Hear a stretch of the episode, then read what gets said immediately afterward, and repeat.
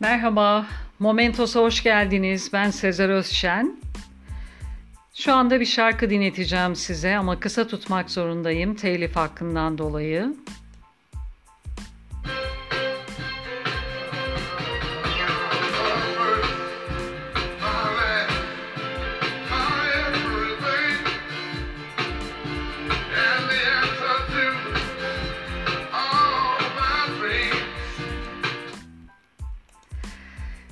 Bloom'da 2019 Şubat'tan itibaren Pazar Günü Müziği adı altındaki yayınları şimdi de radyoya taşımaya karar verdim.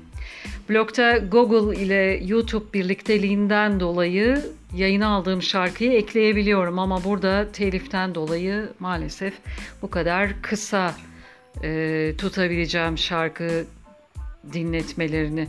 Bugünkü konuk, belki şarkıdan tahmin ettiniz, sevenleri vardır çünkü. Sesine hayran olduğum Barry White. 1944 doğumlu, 2003 ölümlü. Kariyeri bir şarkıcıya 11 yaşında piyanoda eşlik etmesiyle başladı. Bunu kısmen piyano öğretmeni olan annesine borçluydu. Daha sonra okulu terk eden White, 17 yaşındayken bir çeteden lastik çalmaktan tutuklandı ve 5 aylık hapis cezası aldı. Bir röportajda gözaltındayken Elvis'in It's Now or Never şarkısını radyoda duyduğunu ve bu şarkının onun hayatını değiştirmeye ve bir müzisyen olarak kariyer yapmaya teşvik ettiğini söyledi. Küçük kardeşi Daryl 5 Aralık 1983'te bir çete tartışmasında vurularak öldürüldü.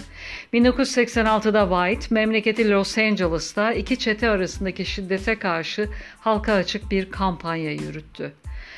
Daha sonra kendi kurduğu kadın şarkı grubu Love Unlimited ile büyük başarılara imza atmaya başladı. Şarkıcı şarkıları ve aranjmanları kendisi yazdı ve tüm parçaları tek başına üretti. Ekim 1975'te şarkıcılardan biri olan Claudine James ile evlendi. Grubun en büyük başarısı Walking in the Rain with the One I Loved'ı.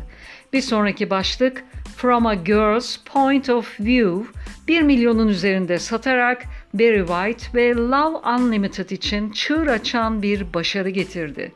White, Love Unlimited Orkestra adı altında enstrümantal başlıklar içeren albümler yayınladı. Philly Sound'da kaydedilen bu parçaların en büyük başarısı 1973'te Love's Them oldu. 1973'te I've Got So Much To Give Barry White adı altında yayınlanan ilk albümü oldu. White, dünya çapında 100 milyondan fazla plak sattı. 2000 yılında Staying Power albümüyle iki Grammy kazandı ve birçok dizilerde de dizi müziği olarak eşlik etti. Onlara şarkılar verdi.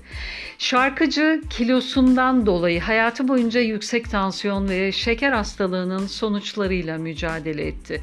Diyalize girdi ve 2003 yılı Mayıs ayı başında kızının söylediğine göre şarkıcının konuşmasını ve vücudunun sağ tarafını etkileyen bir felç geçirdi.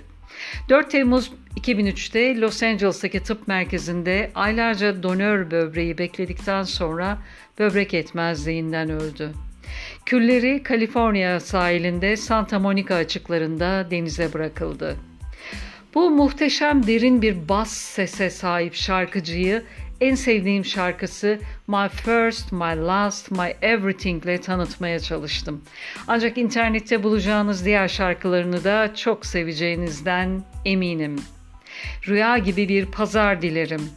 Dinlediğiniz için teşekkürler. Hoşçakalın, Momentos'ta kalın.